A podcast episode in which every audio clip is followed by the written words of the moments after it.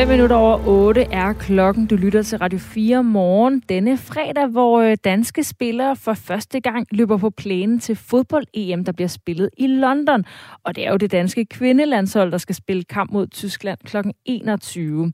Sommerens fodbold-EM skal ifølge Kvinfo-direktør give anledning til at skabe ligeløn blandt herre- og kvindelandsholdene.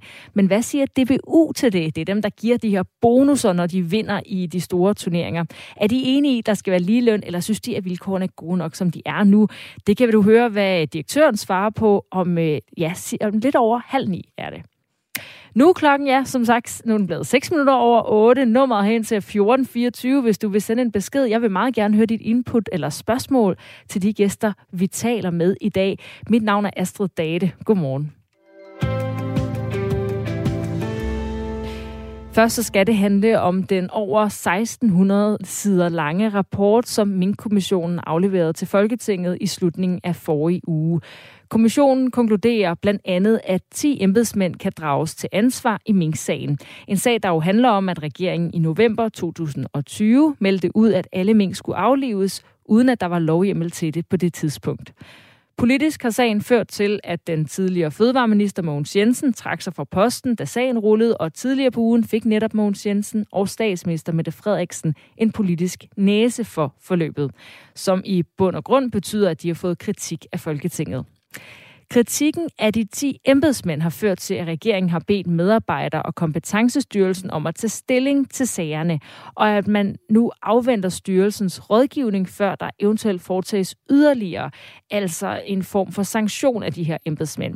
Ingen af de pågældende embedsmænd er blevet hjemsendt, og det undrer Peter Loft, tidligere departementschef i Skatteministeriet. Godmorgen. Godmorgen. Du øh, var departementchef i Skatteministeriet, og i dag er du skatteadvokat og folketingskandidat for Liberal Alliance, og blev sendt hjem fra Skatteministeriet tilbage i 2012 for angiveligt at have været involveret i den daværende socialdemokratiske formand Helle thorning Smits skattesag. Og det vender vi lige øh, tilbage til. Allerførst, hvorfor undrer det dig, at der ikke er nogen af de 10 embedsmænd, der er blevet sendt hjem i forbindelse med deres rolle i Mink-sagen? Altså, der er jo sådan en række vandelskrav, man skal opfylde, når man er topembedsmand. Man må ikke, øh, altså man, man skal sådan kunne øh, optræde, uden at folk går rundt og tænker, at han nu den rette til det her. Og der kan man sige, med den meget, meget skarpe øh, kritik, som øh, Mink-kommissionen har rettet mod de øh, 10 embedsmænd, så forekommer det lidt ejendommeligt, at man siger, I kan bare arbejde videre, som om ingenting var hent, mens denne her styrelse under Skatteministeriet så undersøger, øh, hvad der nærmere skal ske. Det er ikke den procedure, man plejer at anvende, og, og man kan jo sige, det, det, det skaber jo en vis risiko for, at, at de pågældende embedsmænd i denne her periode ikke nyder den anseelse, som man normalt forbinder med en topembedsmand. Så hvad synes du, der vil være rimeligt, der skete med dem?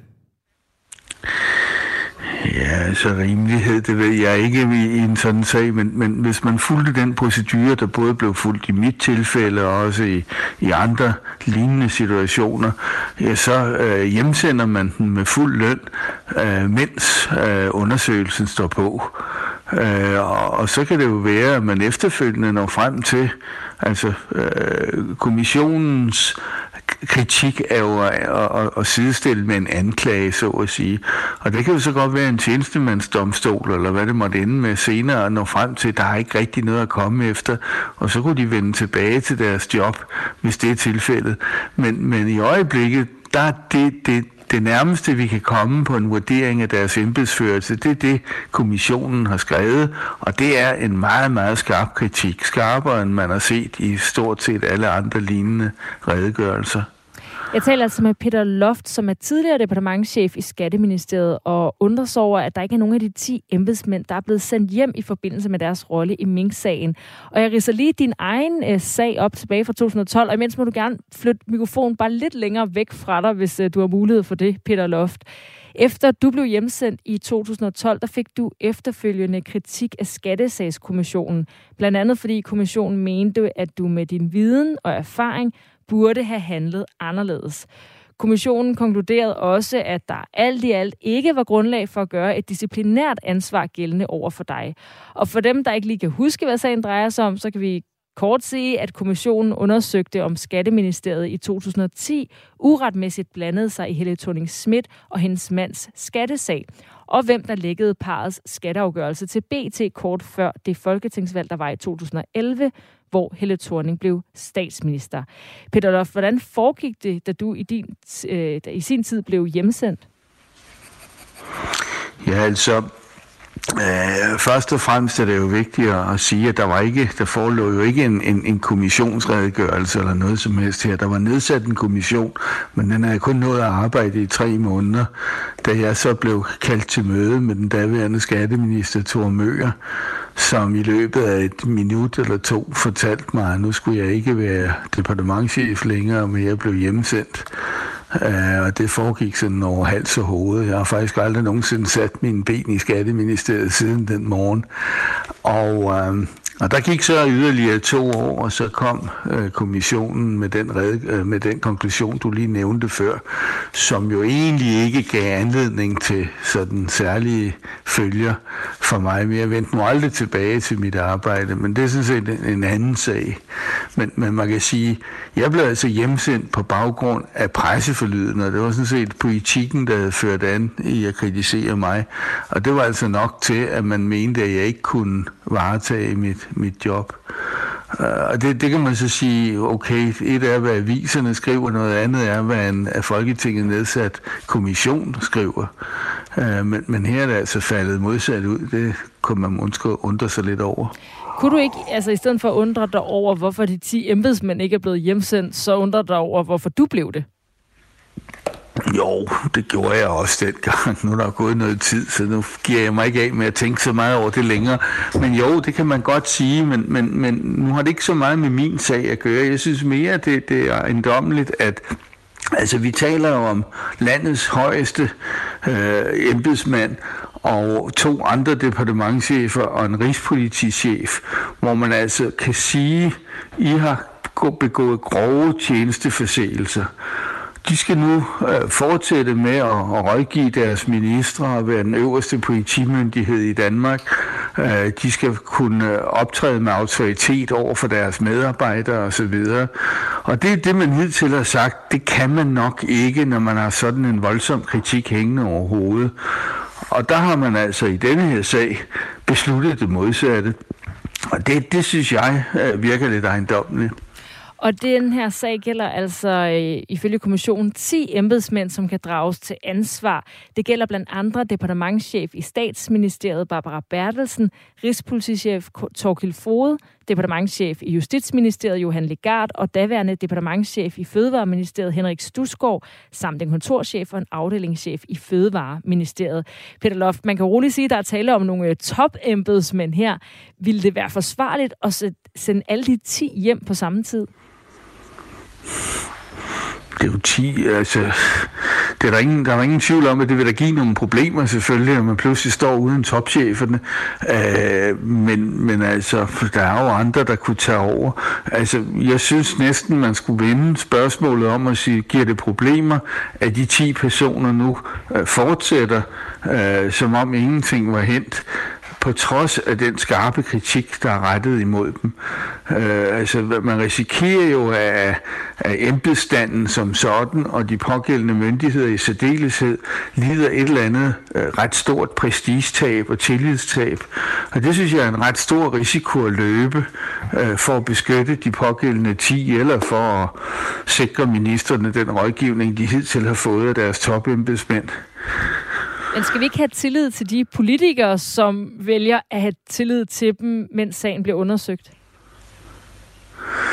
Altså, det er jo for nogens vedkommende nogen, der selv har fået ret skarp kritik i, i samme forbindelse. Men jo, det kan man da godt sige, altså, men, men det er så bare sjovt, at deres, deres vurdering falder så anderledes ud, end den for eksempel gjorde, da fire topembedsmænd i Forsvarsministeriet blev sendt hjem for øh, et par år siden.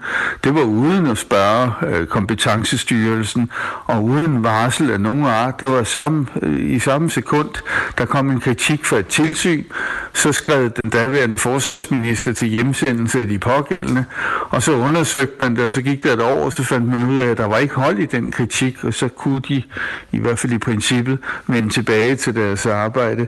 Det, det er den udgangsmåde, man normalt tvivl om, det har der også givet problemer både i Forsvarsministeriet og i, i efterretningstjenesten, at cheferne pludselig blev hjemsendt.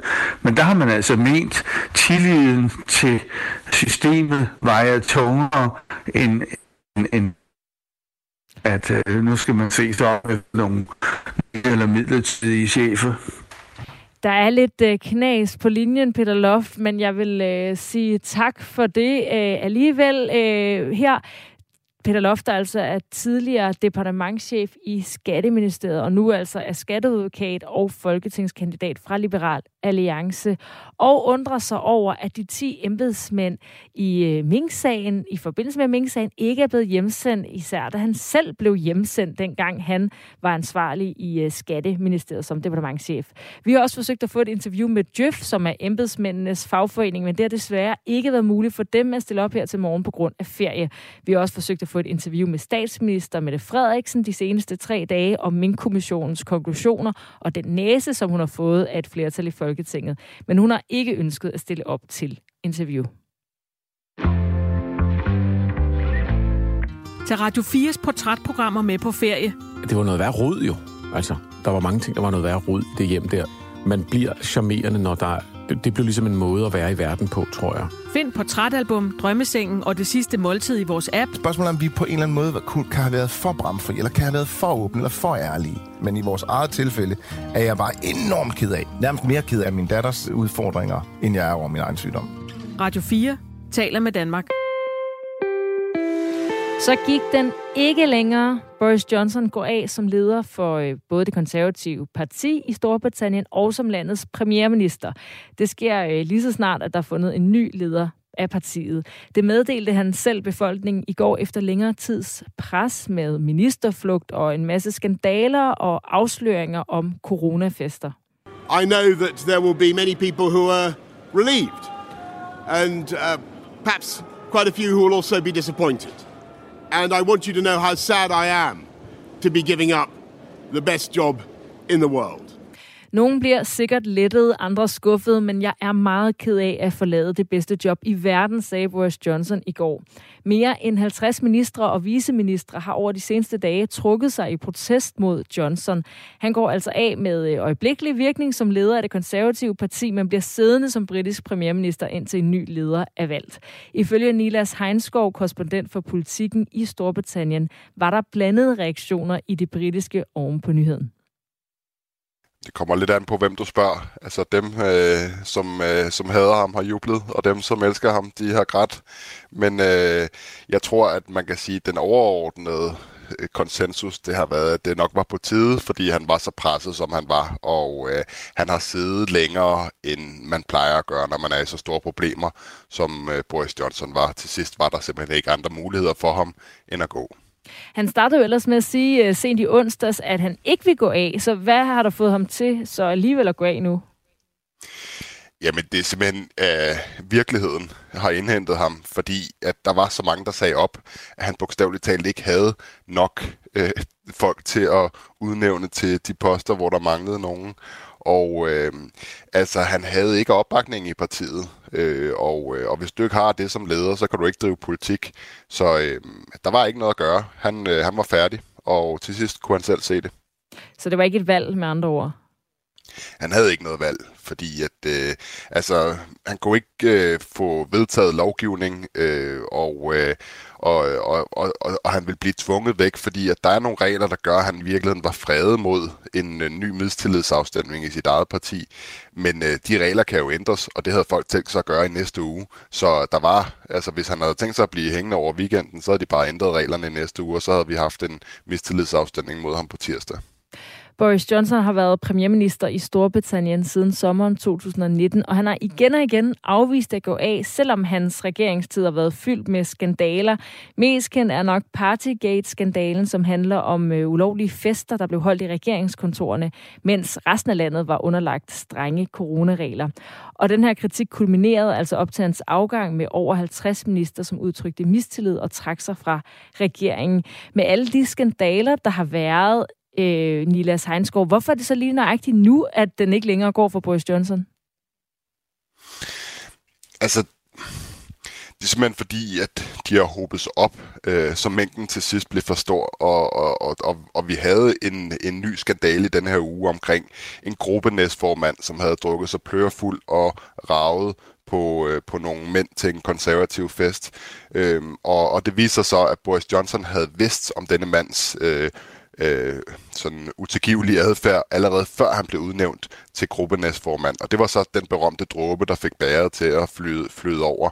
Men det handlede ikke så meget om, om, om sagen i sig selv. Det handlede simpelthen om, at nu var vi kommet derud, hvor han i forvejen var blevet så upopulær, at der bare øh, skulle det sidste skub til. Øh, og, og det kom så i den her uge, og, og, og under alle andre politikere var det kommet langt, langt tidligere. Altså Boris Johnson, han har haft en unik evne til at tale sig ud af, af, af problemerne, joke sig ud af problemerne. Øhm, sådan har det været gennem hele hans karriere, så har han sagt undskyld, undskyld og kommet med en sjov bemærkning. Men, øh, men, men problemerne var for store til, at den, øh, den normale måde også kunne få ham ud af problemerne den her gang. Og derfor så efterlader han altså også det, som han selv kalder verdens, eller det bedste job i verden. Hvordan har Boris Johnson selv, øh, altså hvordan har hans farvel været? Er det sådan øh, skyldbetynget, eller, altså, eller hvordan, hvordan er hans egen reaktion på hans afgang? Det har været klassisk Boris Johnson. Ikke i nærheden af øh, skyld, øh, men øh, nærmere sådan lidt, øh, lidt fornærmethed over, at han er blevet tvunget til at gå. Han kaldte det ekscentrisk, at øh, hans partifælder havde væltet ham, nu når det jo hele gik så godt.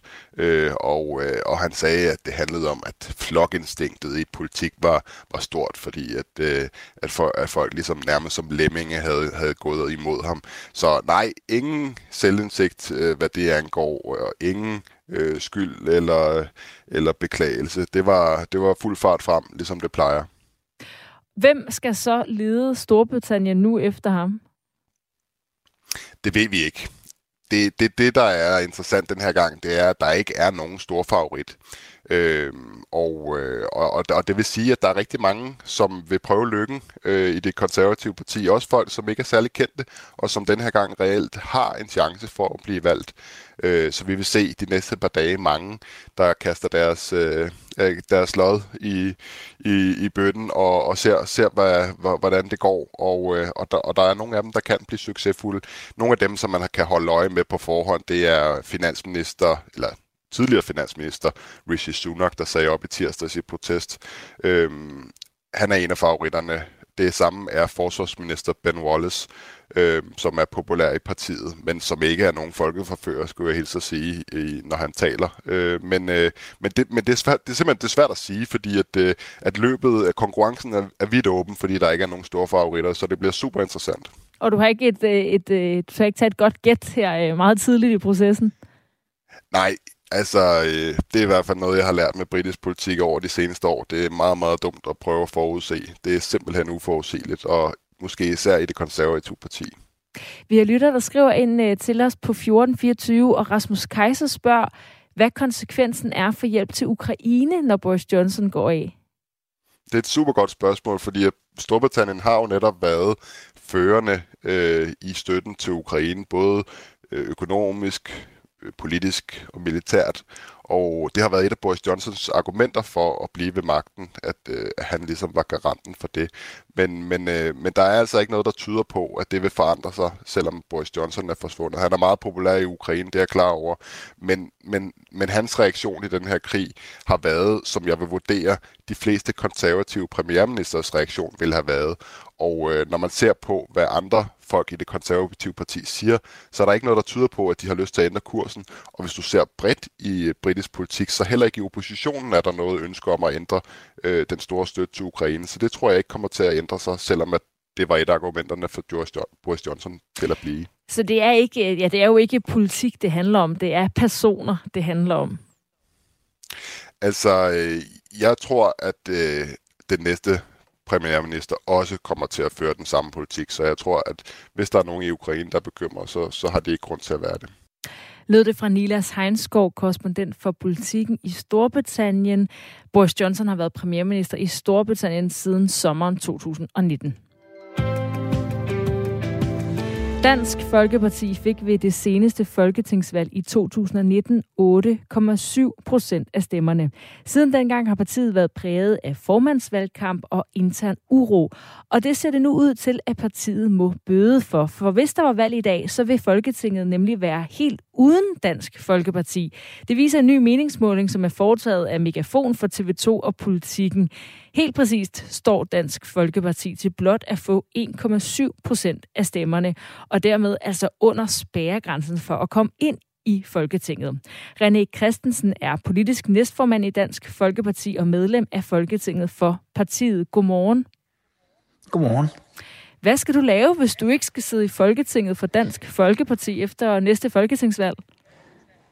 Jamen, det tænker jeg slet ikke på, fordi det regner jeg helt klart med, at jeg skal. Øhm, og øh, jeg er da også overbevist om, at Dansk Folkeparti nok skal klare skærende, men det er da en ganske forfærdelig måling, vi her har fået. Ja, hvordan forholder du dig til den?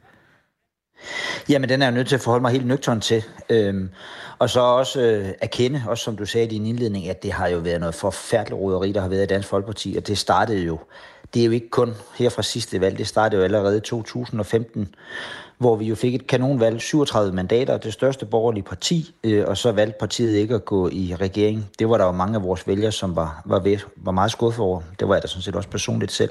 Øhm, og det er jo det, øh, at øh, det nye DF, altså for der har jo virkelig været været, det har været kaotisk. Vi blev valgt 16 mandater, og vi, vi er seks tilbage. Det vil sige, at der er 10, der er gået.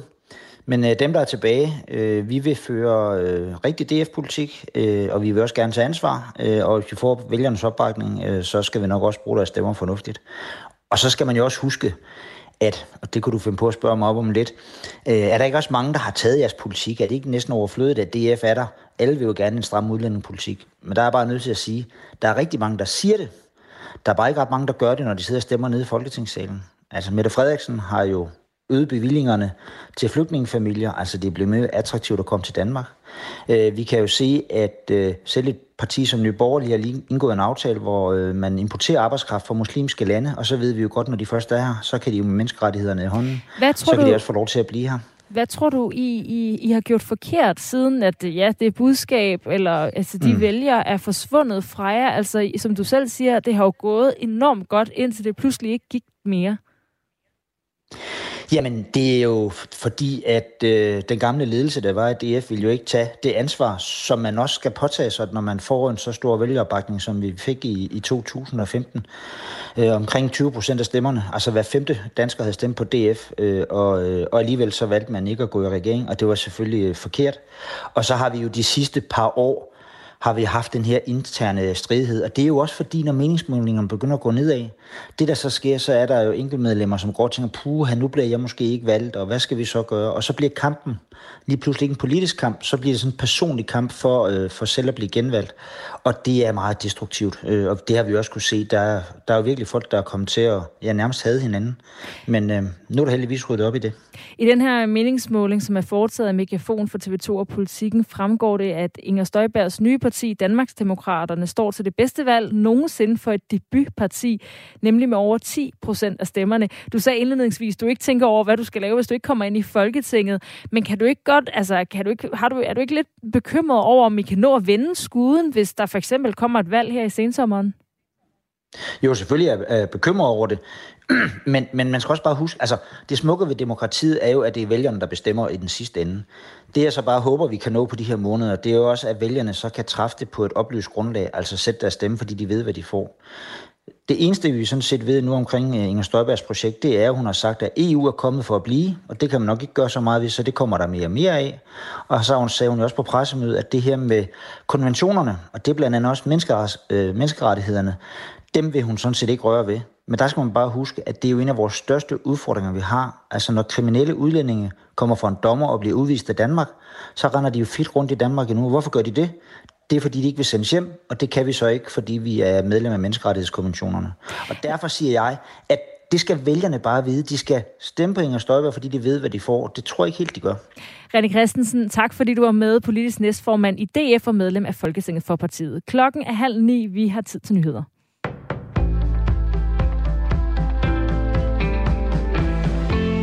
Den tidligere japanske premierminister Shinzo Abe er i kritisk tilstand efter at være blevet skudt, det oplyser Japans premierminister på et pressemøde. Lægerne arbejder hårdt på at redde hans liv, siger han. Shinzo Abe blev tidligere på morgenen skudt i brystet under en tale og bragt til hospitalet. Hans tilstand er som sagt kritisk, og øh, en 42-årig mand er blevet anholdt for drabsforsøget på den tidligere premierminister. En pistol, der menes at være blevet brugt til at skyde Shinzo Abe, er også fundet. Shinzo Abe fungerede som premierminister i Japan og præsident for det liberale demokratiske parti fra 2006 til 2007, og igen fra 12 til 20. Han er den længst siddende premierminister i japansk historie. I en ny måling fra Megafon står Danmarksdemokraterne og dermed Inger Støjberg til at blive valgt ind i Folketinget med hele 10,8 procent af stemmerne. I målingen, der er lavet for TV2 og Politikken, ser Støjbergs nye parti ud til at blive det fjerde største. I den anden ende af skalaen står det skidt til hos Dansk Folkeparti, som ifølge Megafons måling står til at ryge under spærregrænsen. For bare anden gang i valgperioden står Blå Blok til at høste flere stemmer end Rød Blok, skriver TV2. Og hvad Støjberg så selv siger til den her måling, ja, det kan du høre i vores program Det Blå Hjørne i dag kl. 11.05. Storbritannien skal have ny premierminister efter Boris Johnson i går gik af efter flere måneders kritik. Og det var måske på tide, fortæller Nilas Heinsgaard, der er korrespondent på politikken i Storbritannien det kommer lidt an på, hvem du spørger. Altså dem, øh, som, øh, som hader ham, har jublet, og dem, som elsker ham, de har grædt. Men øh, jeg tror, at man kan sige, at den overordnede øh, konsensus, det har været, at det nok var på tide, fordi han var så presset, som han var, og øh, han har siddet længere, end man plejer at gøre, når man er i så store problemer, som øh, Boris Johnson var. Til sidst var der simpelthen ikke andre muligheder for ham. Og det er meget åbent hvem der ender som premierminister i Storbritannien, fortæller Nilas Heinsgaard. Det, der er interessant den her gang, det er, at der ikke er nogen stor favorit. Og, og, og det vil sige, at der er rigtig mange, som vil prøve lykken øh, i det konservative parti. Også folk, som ikke er særlig kendte, og som den her gang reelt har en chance for at blive valgt. Øh, så vi vil se de næste par dage mange, der kaster deres, øh, øh deres lod i, i, i bøtten og, og ser, ser hvad, hvordan det går. Og, øh, og, der, og der er nogle af dem, der kan blive succesfulde. Tysklands største udlejer af boliger, Vonovia, vil skrue ned for temperaturen om natten i mange af dens lejligheder for at spare på energien, det skriver Ritzau. Vonovia udlejer 490.000 lejligheder. Og det sker samtidig med, at Tyskland forbereder sig på en mulig nedgang i leverancerne af naturgas fra Rusland. I tidsrummet fra kl. 23 til kl. 6 vil temperaturen være på 17 grader om dagen, og i aftentimerne kan lejerne så skrue op og ned for varmen, som de ønsker, og den natlige rationering vil så ikke påvirke forsyningen af varmt vand. Tiltaget ventes at mindske udgifterne til opvarmning med 8 procent, oplyser selskabet.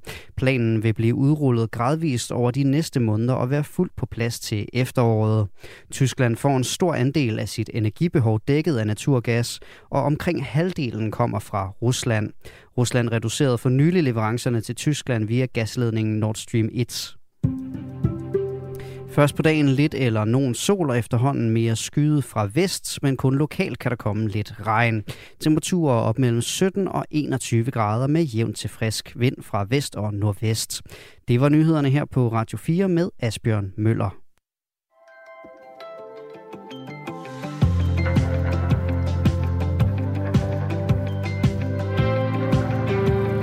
I aften løber danske spillere for første gang på plænen til fodbold fodbold-EM, der bliver spillet i London.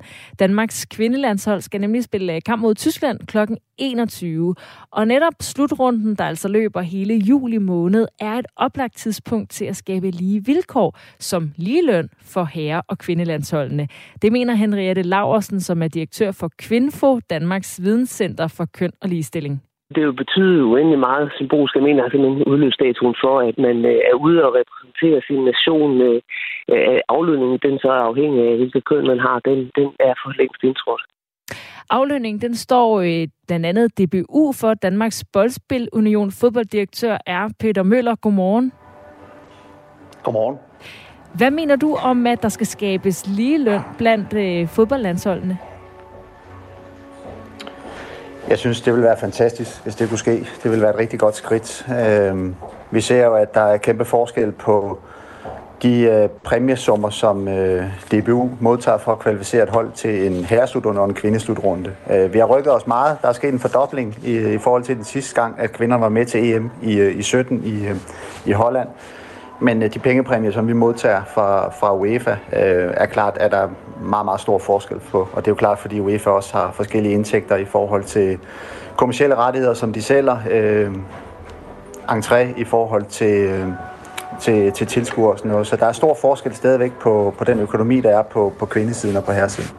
I et interview med Politiken onsdag, der siger Pernille Harder, at øh, det ikke går at sammenligne klubfodbold for mænd og kvinder økonomisk, men når det kommer lige netop til øh, landsholdet, så burde de i hendes øjne være helt det samme. Hvorfor er der forskel på lønningerne for mænd og kvinder på landsholdsniveau?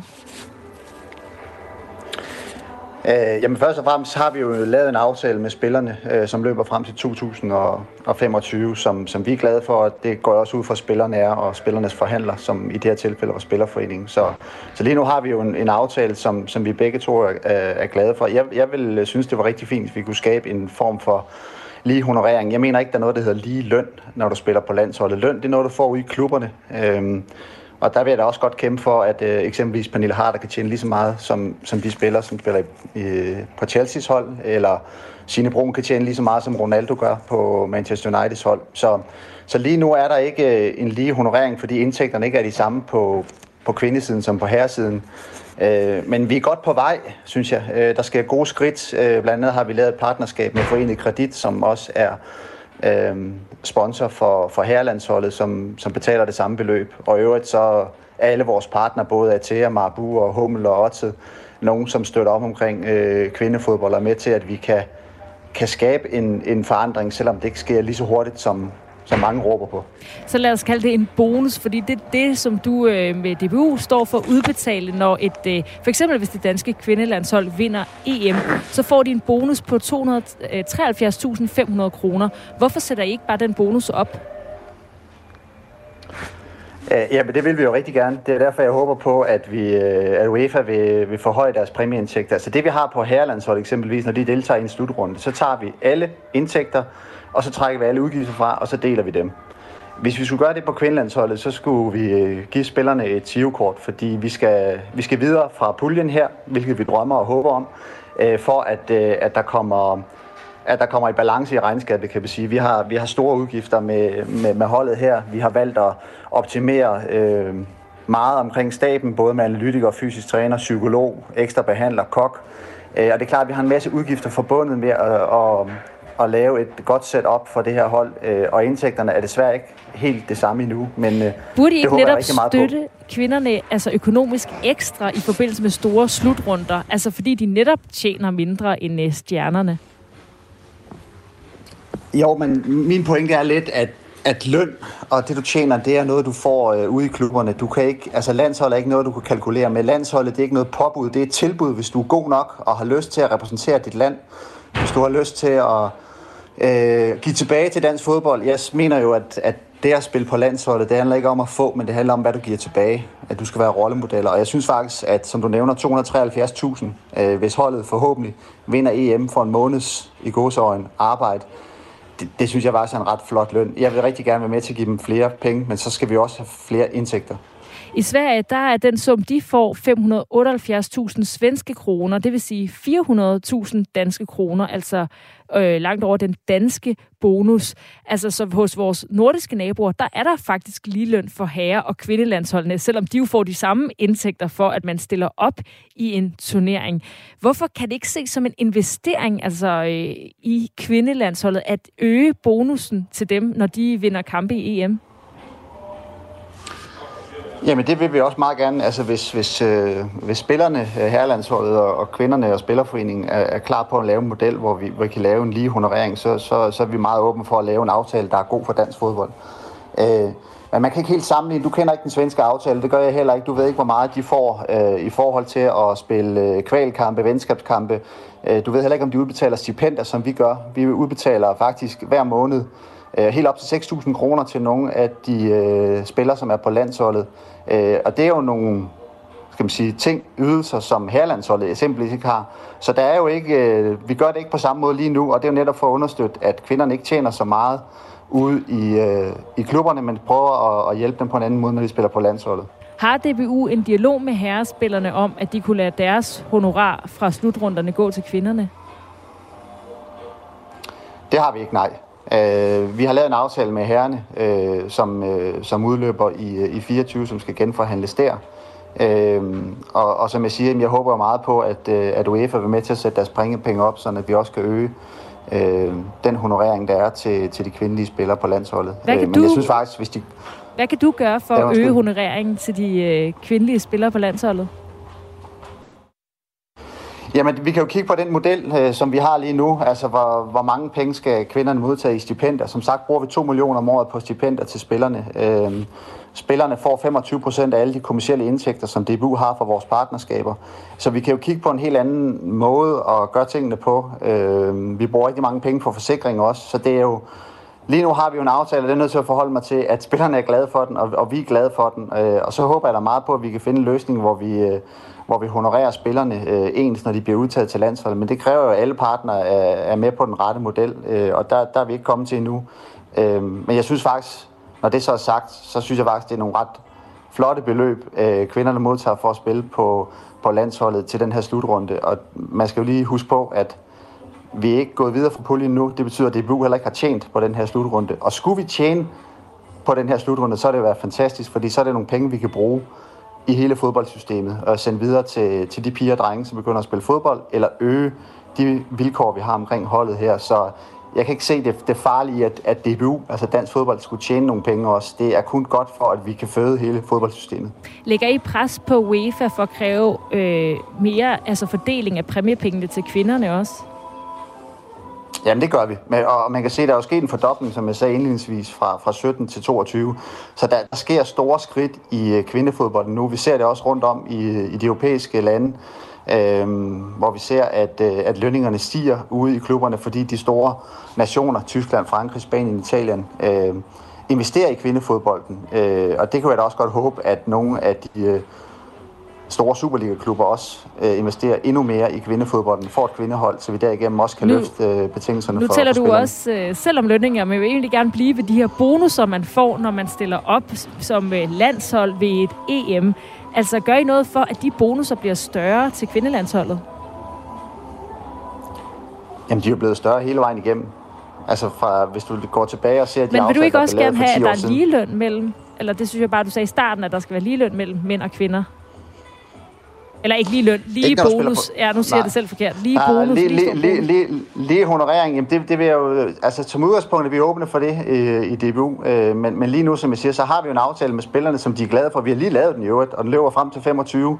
Øh, og der var det ikke noget tema for spillerne, fordi for dem var det vigtigt, at de fik lige betingelser øh, i forhold til det setup, der er omkring holdet. Og det har vi honoreret øh, 100% ved netop at ansætte analytikere, øh, ekstra assistenttræner, øh, fysisk træner, psykologer, ekstra behandlere, kok. Og det er klart, det koster jo øh, at hele tiden at putte penge i det system. Øh, men det gør vi, fordi vi satser på, at vi kan, vi kan ramme vores drøm, og det er nemlig at stå med pokalen. Sagde Peter Møller, tak for det, fodbolddirektør for DBU, Danmarks Boldspil Union. Klokken er 14 minutter i 9, du lytter til Radio 4 morgen. Mange danskere går ind for mere grøn energi fra vindmøller, men mindst lige så mange danskere ønsker ikke, at vindmøllerne skal stå i deres egen baghave. Den har vi jo hørt om før. Men i Vesthimmerlands Kommune er situationen dog lidt anderledes. Her vil firmaet Biosurg inden for de kommende år opføre to kæmpestore energiøer med vindmøller på land, og i den forbindelse har de ifølge DR Nordjylland fået et tilbud til kommunens borgere, som vækker glæde. Hvis placeringen af projektet accepteres, så vil Biosurg give gratis overskudsvarme i bytte til det lokale varmeværk. Bertel Majgaard er direktør i Biosurg. Godmorgen. Godmorgen. Hvorfor øh, give det her tilbud til borgerne? Jamen, det har vi valgt at gøre, fordi vi synes, det er fair, at, øh, at den kommune og dermed de borgere, der, der stiller jord til råd, de, øh, de også får noget øh, ud af det. Så de ikke bare har, har givet en masse øh, jord og udsigter væk. Det kan jo, øh, hvis jeg skal være lidt grov, også lyde som en form for bestikkelse. Altså, I får det her gratis overskudsvarme, til gengæld brokker jeg ikke over, at vi stiller en masse vindmøller op. Jeg ved ikke, om det er, det er bestikkelse. Man kan sige, når vi, øh, nu taler du vindmøller, men, men den energiø, vi laver, er jo meget andet end vindmøller, og vindmøller er faktisk en meget lille del af det. Øh, så, så det er jo primært øh, solceller, og så er det biogas, øh, som, vi, øh, som vi driver rigtig meget i dag. Og i biogasanlæggene i dag, øh, når vi stiller dem op, der er en masse overskudsvarme, som vi i dag lukker ud i luften. Øh, så jeg synes, det virker mere som sund fornuft at sige, at de ting, vi, øh, vi kan give tilbage, uden at det, øh, det, øh, det koster også noget, men, men i virkeligheden øh, er til gavn for borgerne, at det, det, det giver god mening. Men hvad er det for nogle overvejelser, når I skal stille biogasanlæg og vindmøller? Hvad er det så for nogle overvejelser, I, I har der? For det er jo noget, som mange borgere synes er træls. Jamen, det, øh, det, det, det er jo netop den overvejelse, vi har, at sige, at vi skal, øh, vi skal, vi skal på en eller anden måde øh, gå i et med det samfund, vi, vi, vi stiller vores øer op i. Øhm, det, det, er jo ikke, det er jo ikke nogen hemmelighed, at, at, at de fleste danskere de går ind for grøn omstilling. Øh, men, men der er jo ikke ret mange, der egentlig kan lide at have vindmøller eller solceller eller biogasanlæg øh, tæt på dem. Øh, og derfor har vi valgt at sige, at vi, øh, vi prøver at, at levere en model, hvor, hvor vi prøver at give noget tilbage, både i forhold til, til overskudsvarmen, men også i forhold til, øh, til en fond, vi, øh, vi stiller til rådighed til kommunen. Øh, så, så, så det, øh, det er jo det, vi har valgt at sige, at det er vores bidrag at sige, at vi kan godt leve med at få et, et lavere afkast af vores investeringer, hvis, øh, hvis vi kan finde en model, hvor, hvor borgerne også er glade. Energiøerne er øh, såkaldte multifunktionsanlæg, det vil sige, der inden for et begrænset område kan stilles både vindmøller, solsækker, biogasanlæg, elektrolyseanlæg til produktion af brint og pyrolyseanlæg, der kan lave brændstof. Planen er altså, at der skal produceres brændstof og elektricitet, som skal sælges. På den måde kan der tjenes penge på projektet. Ved at samle anlæggene i et øh, relativt begrænset område, så genereres der færrest mulige naboer. Og sådan en ø vil fylde ca. 970 hektar. Overskudsvarmene fra anlæggene kan sendes ud til fjernvarmekunder. Bertel Majgaard er direktør i Biosurg, som udover gratis fjernvarme til radiatorerne, lover i også millioner af kroner til en fond styret af byrådet i Vesthimmerlands Kommune, der kan bruges til for eksempel at bygge idrætshaller. Hvordan kan I få profit ud af det her projekt, når I både giver øh, penge til en fond til idrætshaller og også øh, overskudsvarme eller gratis fjernvarme til radiatorerne hos borgerne? Jamen altså, den, den, gratis, øh, den gratis overskudsvarme, vi leverer til, til fjernvarmeselskaberne, det er jo noget, vi i dag lukker ud øh, i luften, så, så, så det er jo ikke en omkostning for os. Udover at de så ikke vil betale for den, altså hvis ikke de fik den gratis? Jamen, vi, vi får heller ikke betaling for den i dag. Altså, vi lukker den jo ud øh, i luften, så, så, så vi får ingen betaling for den i dag. Så, så der er ikke nogen omkostning for os for det, men der er en besparelse for de lokale borgere, og det er jo det, vi går op i. Øh, og når vi kigger på, øh, på fonden, jamen, så har vi valgt at sige, at vi, øh, vi allokerer en del af den profit, der er i, øh, i setup'et til, øh, tilbage til kommunen. Og det synes vi egentlig giver, giver god fornuft, at nogle af de øh, midler, der bliver skabt ved, at den lokale kommune de giver de her tilladelser, at de også bliver tilbage i kommunen til glæde for de borgere.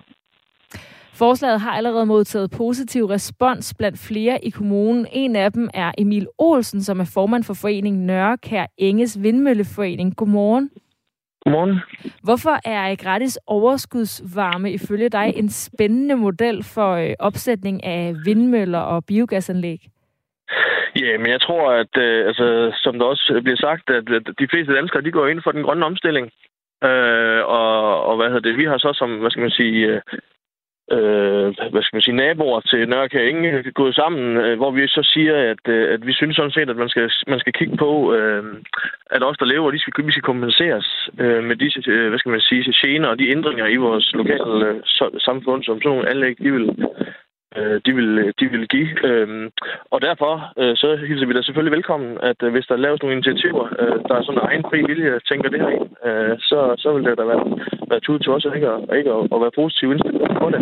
Og jeg tror også, det er vejen frem. Øh, øh, når man skal lave de her indruk i folks, hvad skal man sige, nabo, nabolag, at man øh, kompenserer dem øh, den måde, som der måske lægges op til her, så er det jo klart, at vi må se, når vi kommer længere frem, øh, hvordan man leder til udmønter sig. For I forvejen, og i øjeblikket er der ikke, øh, hvad skal man sige, fjernvarme derude, så det, det kræver jo nogle, øh, nogle store tiltag. Og hvor, øh, hvor har vi fanget dig, Emil Olsen? Det blæser lidt i baggrunden. Ja, jeg går, jeg går i års lige nu. Ah, okay. Det kan være, jeg ved ikke, om du kan vende dig på en måde, så der er lidt øh, lag for, øh, for øh, telefonen. Men hvorfor er det, at en kompensation gør forskellen mellem et positivt eller et negativt vindmølleprojekt? Nå, man skal huske på, at vi bor jo i, i nogle yderområder, hvor at, øh, der ikke er ret meget politisk øh, og hvad skal man sige, økonomisk øh, øh hvad hedder det, øh, opmærksomhed. Og øh, vi, i de her områder, der har vi jo en ressource. Øh, det kan være i form af vind, det kan være i form af sol eller, eller, eller masser af plads. Øh, og, og, og den her ressource, som vi så trods alt har, altså det, der kan vi jo ikke se anderledes på det, end at den skal der bruges til at udvikle de områder, vi har, så det er stadigvæk attraktivt at bo herude. Øh, Øh, samtidig med, at der laves de her indhug i, i, i vores nabolag. Kan gratis overskudsvarme opveje øh, muligt tab af boligpriserne, altså sørge for, at det stadigvæk er øh, attraktivt at bo i det område, selvom der kommer nye energiøer? Jamen, det er jo klart, vi må jo se på, hvordan det helt konkret udmyndter sig, øh, før man kan sige, om det er en, en god eller en dårlig idé. Men altså, sådan grundtanken øh, med, at man, hvad skal man sige, involverer lokalbefolkningerne i, øh, i, øh, i, hvad skal man sige, i de områder, hvor man planlægger de her øh, grønne omstillingsprojekter. Øh, det tror jeg er vejen frem, hvis man øh, øh fremadrettet, og det går vi jo alle sammen ind for, skal omstille os lidt grønnere. Tak for det, Emil Olsen, øh, formand for foreningen Nørka Enges Vindmølleforening, og Bertel Majgaard er stadig med os. Hvad tænker du om det, du hører Emil sige her? Jamen, øh, jeg er selvfølgelig glad, øh, fordi det er, jo, det er jo de samme tanker, vi har, øh, og, og, og vi tror jo også på, at det er den vej, øh, verden går, øh, at vi skal være i stand til at og, hvad hedder det, dele mere, øh, og ikke øh, tage det hele øh, som udvikler. Så, så, så vi, øh, vi, vi synes, det er den rigtige vej at gå, og så øh, håber vi jo på at få, få en lokal opbakning. Øh, og, og indtil videre har vi jo har vi jo haft en rigtig fin opbakning, og det synes jeg jo også er det, vi hører her. Bert Meigård, altså direktør for Biosurg, der er med til at lave de her nye energiøer. Tak fordi du vil være med. Hvis du vil vide mere om den her sag, og hvis du har lyst til selv at komme med dit input, så kan du blive hængende her på kanalen efter nyhederne klokken 9 på Radio 4. Der er Ring til Radio 4 nemlig klar og spørg, om du vil sige ja til vindmøller, solceller og biogas i dit nærområde mod at få ekstremt billig fjernvarme i dine radiatorer, kan en kompensation altså gøre, at du lige pludselig gerne vil have en vindmølle i din baghave. Du kan også høre et interview med Per Bak Laversen, som er borgmester i Vesthimmerland Kommune fra Venstre. Det er altså klokken 5 minutter over 9, men du kan allerede sende din sms med en holdning nu til 1424. Hvis du går på din musikstreaming-tjeneste og finder Michael Jackson-albummet fra 2010, det der hedder Michael, så er der i dag tre sange mindre at lytte til. De er blevet fjernet efter, at øh, flere fans har sat spørgsmålstegn ved nummernes gyldighed. Altså om det virkelig er ham, der synger på numrene. Det kan være, at min øh, producer vil hjælpe her og øh, kigge på mig og sige, om, så kan du give thumbs up eller thumbs down, om du mener, det er Michael Jackson, der synger på det her nummer.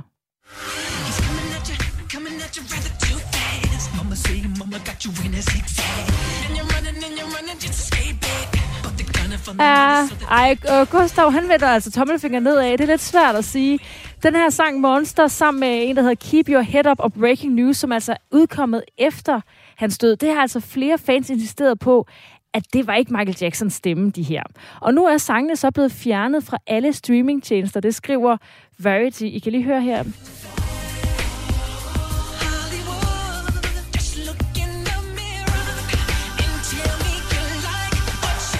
Men altså, selvom de har fjernet sangene, så holder de faktisk fast i, at det ikke er en øh, falsk Michael Jackson stemme, der synger. Deres argument er, at det er den simpleste måde at stoppe snakken, om det virkelig er ham. Og de resterende sange, de vil forblive på albummet. Og der er altså ikke noget ved den beslutning, der skal tolkes som et udtryk for bekymring om ægtheden. Så en delvis sejr for den utilfredse fanskare. Det er fredag, og inden vi runder Radio 4 morgen helt af for denne uge, så skal vi lige aflytte vores nation-telefonsvarer. Telefonen. Læg venligst din holdning efter bippet. Ja, det er Palle fra Kallenborg. Nå, endnu en uge, og hvilken hæslig uge. Vi kan lige så godt få det af vejen, folkens. Feels. Fuck mig, så skulle vi også prøve den yderste potens af at skide psykiatrien et stykke i overvis.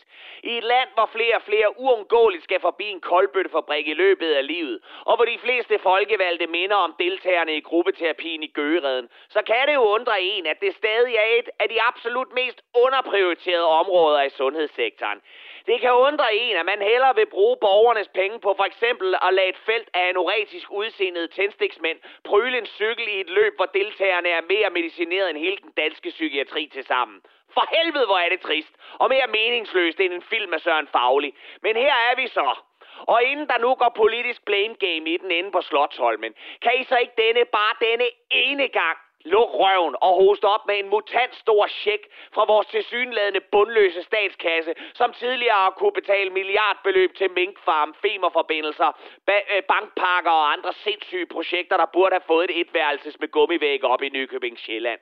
Jeg skal gerne aflyse min store tv-pakke, så pengene går til en bedre psykiatri her i landet, og ikke til at kunne glo på TV2 News, og der er 24 timers dækning af andre menneskers værste dag, med frisk indkøbte videoklip fra de mennesker, som trods alt havde så stort et overskud til at filme folk, der blev skudt i fields, inden de selv skulle til Harry Styles koncert. Så inden sommerferien sænker sig over Christiansborg, så sætter I jer lige sammen om en af jeres berømte brede forlig og spytter penge i psykiatrien. Ellers så kommer Palle fandme efter jer bevæbnet med hammer, mejsel og et hurtigt kursus i frontal lobotomi. Og så skal jeg fandme ellers lige love for, at Mette F. hun blev reddet på målstregen af alle hendes veninder, alle hendes veninder, som ikke så nogen grund til at lade en advokat undersøge landets statsminister, som kun kunne indrømme andre menneskers fejl og ikke hendes egne. I over en time stod hun og lignede uskyldigheden selv, og var på magisk vis lige pludselig også blevet jurist, som kunne frikende sig selv. Tænk, jeg troede kun, hun havde en master i, Afrik- i Afrikastudier og en Ph.D. i bullshit. Men sikke sig, mor Mette, hun kan. Og nu vi er ved magiske evner, så er det sgu da imponerende, hvordan enhedslisten kunne læse Mink-kommissionen 1600 sider på under 10 minutter den dag den udkom, og prompte frikende Mette Frederiksen, som på det berømte møde, hvor Minkenes endløsung blev vedtaget, nægtede mødedeltagerne en læsepause til rapporten, hvor der sort på hvidt stod, at det hele var pisse ulovligt. De eneste, som måske bliver straffet i den her sag, er de embedsfolk, som blev beordret til at panikreagere og nedlægge et helt erhverv. Og dem, som ikke bliver straffet, det er så dem, der beordrede dem til det. Men lad os da lige lege. Bare lege, at stakkels Mette ikke anede, at hun kørte over for rødt uden hænder med bind for øjnene og dåsmakrel i ørerne. Så er spørgsmålet jo stadig, Hvorfor helvede de fortsatte aflivningen, da de blev bekendte med, at de var mere kriminelt og ulovligt myrden end en warlord i Mozambique? Og hvis vores kære statsminister nu lige pludselig på magisk vis er blevet en jurist, der kan frikende sig selv og samtidig stå last og bræst med Barbara Bertelsen, hvorfor helvede er så hverken den ene eller den anden ikke på vej på tidlig sommerferie med en fyreseddel i hånden på et aflyst SAS-fly til Langbordistan? Ja, sådan, Palle. Bare giv de røde røvhuller tørt på. Blå blok, de kunne jo godt finde deres moral og stillinger støjbær for en rigsret. God kunne de der røv. Hvad snakker du om, Palle? Dejlig nede på jorden, Inger. Hun blev da fældet af sine egne. Ja, men for helvede da ikke, da de sad i regering, din idiot. Det var præcis samme uledelige skuespil, der udspillede sig der. Og inden hele den danske borgerligt liberale højrefløj kommer for godt i gang, så husk, at de selv har Danmarks rekord i ikke at undersøge sig selv med barnebrud og Irakkrig. Så luk røven i hæslige små dobbeltmoralske levebrødspolitikere. Og endelig, så skal det radikale venstre aldrig, aldrig nogensinde igen udtale sig om moral og Max ydmyghed, så længe de er villige til at sælge deres egen røv for en næse, og et i forvejen planlagt folketingsvalg og lege, at de lige var de hårde nyser i klassen. Du var i røv. I var bare mere radikale, end I har været i overvis. Og det, du stolte borger i Bananrepublikken Danevang, det var Palle fra Kalmborg. Du kan høre mere fra Palle fra Kalumborg eller andre af den slags eksistenser i specialklassen her på Radio 4 hver lørdag. Det er klokken 20. Du kan også finde det i Radio 4's app, hvor du også kan finde Radio 4 morgen, hvis du nu har misset de første to og en halv, eller de første halvanden gode time af programmet fra i dag. For eksempel, jeg er tilbage, eller ikke jeg er tilbage, Radio 4 morgen er tilbage igen på mandag. Og vi har jo øh, sommerferie over, så det betyder også, at vi starter en halv time senere, så det er altså 6.35, du kan tænde for Radio 4 morgen på mandag. På den anden side af nyhederne, så er Ring til Radio 4 klar. Jeg noget lige at tease lidt for, at det handler om, øh, hvorvidt du kunne tænke dig at få en vindmølle, hvis du nu fik gratis overskudsvarme til gengæld i dine radiatorer. Nummeret er 1424. Du kan skrive ind allerede nu, mens øh, Asbjørn Møller fortæller nyheder klokken 9.